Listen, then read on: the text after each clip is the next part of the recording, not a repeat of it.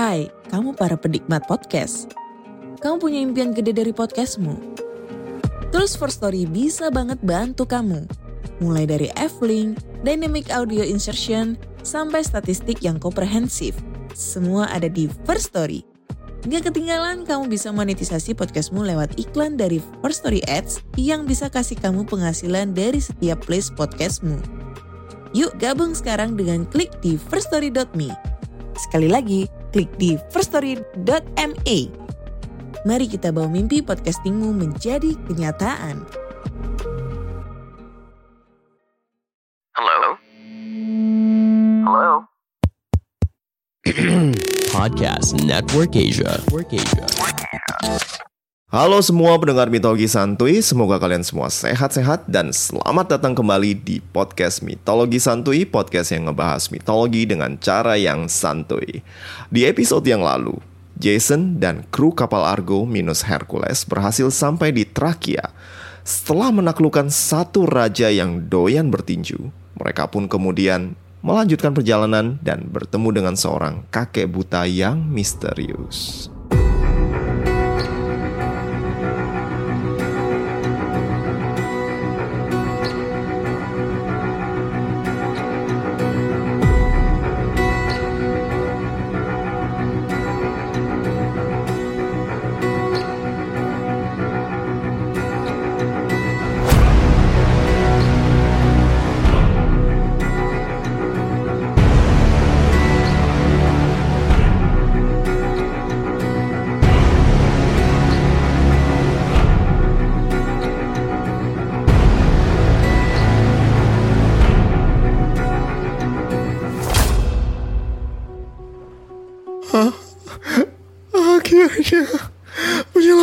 Tiba. Seru si kakek tua sambil berusaha memeluk Kalais dan Zetes. Tentu saja sang kembar bersaudara langsung mundur menghindari pelukan si kakek. Wow, wow, wow, calm down, calm down, kek. Situ siapa berani meluk-meluk? Aku adalah Phineus, Raja Trakia. Dan tanah tempat kita berdiri sekarang adalah wilayah kekuasaanku. Jawab Phineus dengan penuh kebanggaan. Ah, tahu tahu tahu. Ini raja yang jadi buta gara-gara nyongkel mata anak sendiri kan? Eh, enak aja. Fitnah itu. Ya, yang benar. Zeus ngasih berkah kemampuan meramal ke kakek. Tapi tapi tapi dia juga ngambil kedua mata kakek. Lah, kenapa Zeus ngambil mata kakek? Diganti sama kemampuan ramal gitu?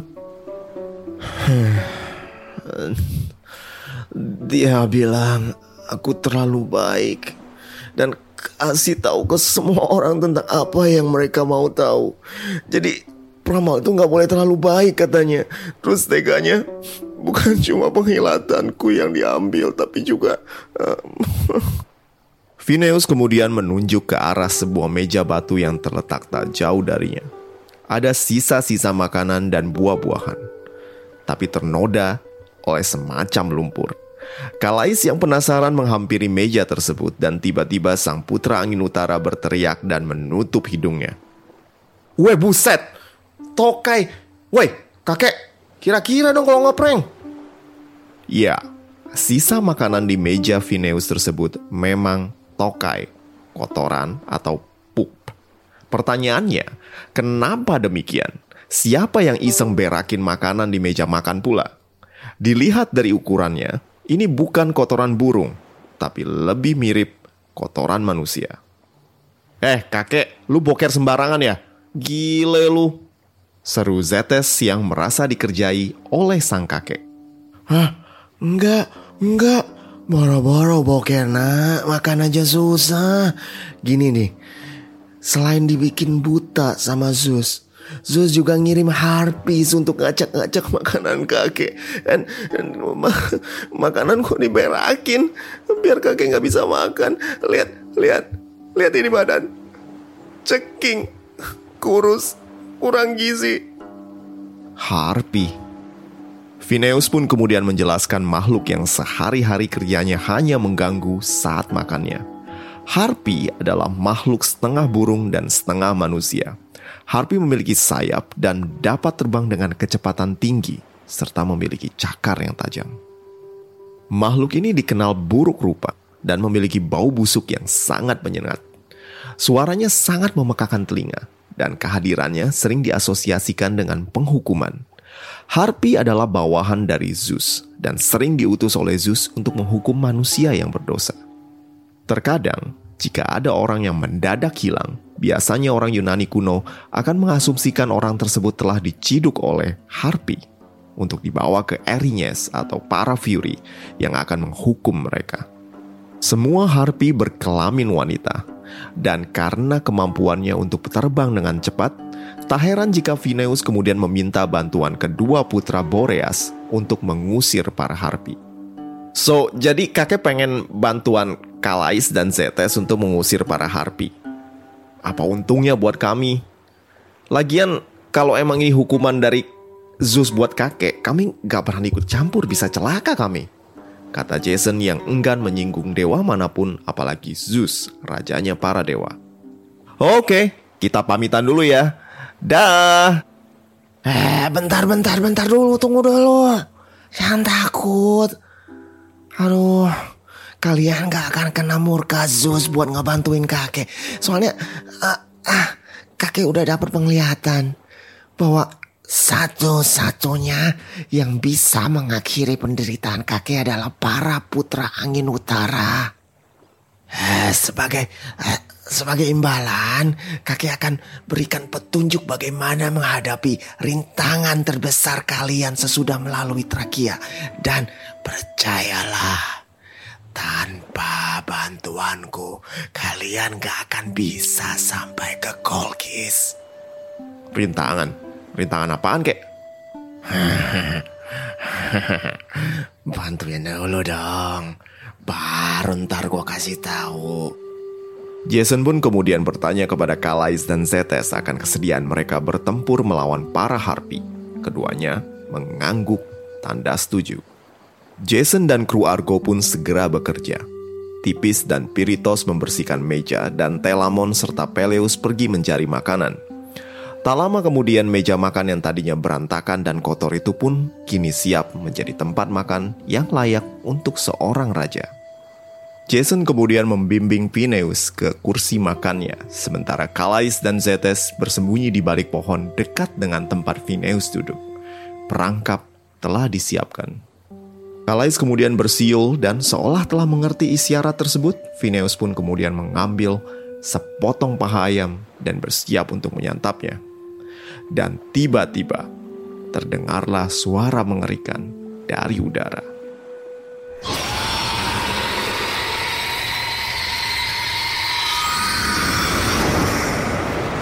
Suara jeritan yang melengking dan memekakan telinga Para kru Argo yang bersembunyi langsung menutup telinga mereka, sementara Phineus tahu bahwa mimpi buruknya setiap hari berulang lagi.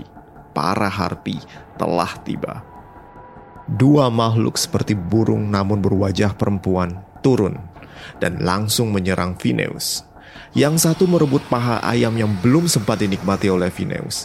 Phineus yang buta ketakutan teramat sangat dan berusaha melindungi dirinya dengan ngumpet di bawah meja.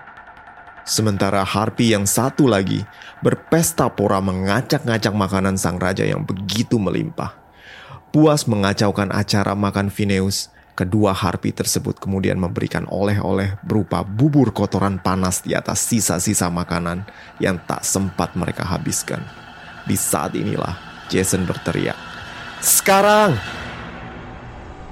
Kalais dan Zetes berteriak, dan menerjang ke arah kedua harpis yang terkejut dan langsung melarikan diri. Namun kedua putra angin utara tersebut tak ingin melepaskan mereka. Kalais dan Zetes terbang mengejar para harpi yang semakin ketakutan karena pengejarnya bisa terbang dan mulai mendekati mereka. Kalais dan Zetes bersenjatakan pedang yang bersinar diterpa oleh teriknya sang mentari. Penampilan mereka begitu mengerikan, seperti malaikat yang turun dari surga untuk menghukum para pemberontak alam surgawi. Para harpi yang ketakutan tahu mereka cepat atau lambat akan terkejar oleh kedua putra dewa yang mampu mengendalikan angin ini. Angin bertiup ke mana pun Kalais dan Zetes beranjak, sementara para Harpi harus mati-matian mengepakkan sayap mereka untuk menghindari kejaran keduanya. Salah satu dari para Harpi akhirnya berbalik dan memilih menyerang Zetes dengan cakarnya. Zetes yang di atas angin tidak menyangka kalau si Harpi akhirnya menyerang juga. Zetes lalai mengantisipasi serangan dan harus menderita cakaran di tangannya. Melihat adiknya terkena serangan, Kalais pun turun membantu. Sabetan pedang yang berhasil melukai sayap sang harpi yang kemudian dengan sekuat tenaga berusaha melarikan diri. Melihat buruannya terluka, Kalais dan Zetes kemudian dengan sepenuh tenaga terbang mengejar kedua harpi yang mulai kehabisan tenaga. Namun tiba-tiba, awan terbuka. Dan dari awan tersebut, sinar berwarna-warni terpancar dan seorang dewi muncul di hadapan mereka. Dewi tersebut adalah Iris, sang pelangi yang juga merupakan utusan dari Zeus. Jangan lukai mereka putra-putra Boreas. Biarkan mereka pergi. Mereka tidak akan mengganggu Phineus lagi. Mengenali Iris, Kalais dan Zetes pun menyarungkan pedangnya dan kembali terbang ke Trakia. Dan benar saja, ketika mereka sampai dan memberitahukan tentang apa yang terjadi kepada para harpi, Phineus yang udah entah berapa purnama belum makan layak, kemudian ngetes ombak dengan makan apel yang disodorkan oleh Jason. Satu gigitan demi gigitan dinikmati oleh Phineus tanpa ada suara melengking terdengar dan makhluk mengerikan yang datang dan tiba-tiba merebut makanan plus berak sembarangan. No, no more. Phineus bersorak kegirangan dan kemudian mengundang Jason dan kru kapalnya untuk berpesta. Namun Jason langsung menolak dan meminta Phineus untuk menepati janjinya. hmm. uh, iya iya. oh. Uh, uh, sorry sorry, terlalu seneng nih kakek. Um, Jason, setelah dari Trakia, hanya ada satu jalur jika anda semua anda ke Kolkis. Kalian harus melalui selat yang disebut Simple Gada. Selat batu tabrakan namanya. Kata Phineus sambil mengelus-ngelus jenggot macam guru kungfu di film-film Jackie Chan. Ya elah kong. Itu mah kita udah tahu.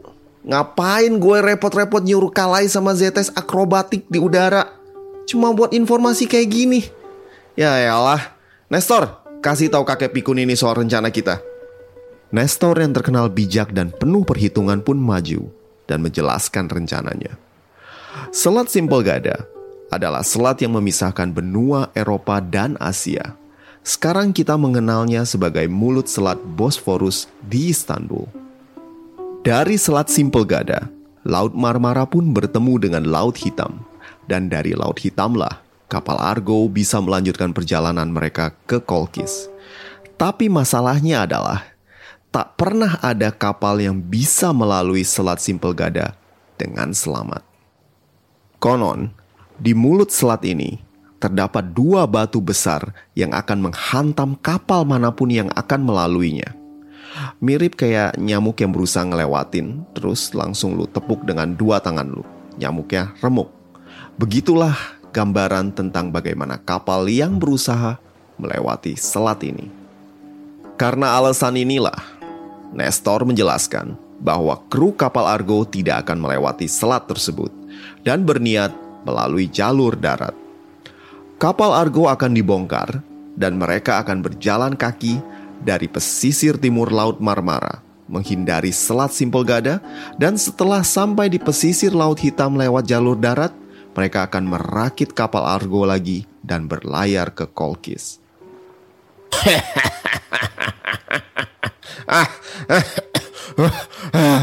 Iya, keren keren keren. Tapi goblok. Demikian kata Phineus yang tertawa ngakak mendengar rencana Nestor. Nestor langsung memerah mukanya melihat kelakuan Phineus. Viritos yang panasan menawarkan untuk memberi satu atau dua tinju ke muka raja yang menyebalkan tersebut. Namun Jason menahannya. Lu orang mau lewat jalur darat. Lu orang gak tahu aja kalau jalur darat di Asia itu kayak apaan. Jalur yang penuh dengan suku-suku ganas pemangsa manusia. Mereka menunggu para saudagar atau orang yang lewat dan menyergap mereka dengan panah. Oh, jelas. Kalian para pahlawan yang kagak berani.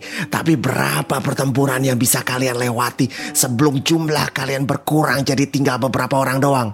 Hah? Mikir dong, mikir. Nestor yang tadinya marah pun kemudian tersadar akan kelemahan rencananya. Terlalu beresiko dan sembrono. Baiklah, beritahu kami bagaimana caranya melewati Selat Simple Gada. Oh, Raja Vineus yang jagung ramal. Tar, gua makan dulu. Katanya sambil mengunyah roti pemberian Jason.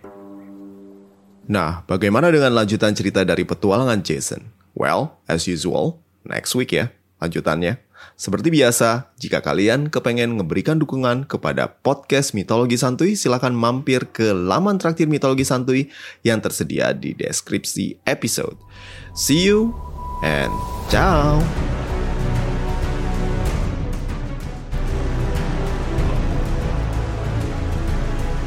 Pandangan dan opini yang disampaikan oleh kreator podcast, host, dan tamu tidak mencerminkan kebijakan resmi dan bagian dari podcast Network Asia.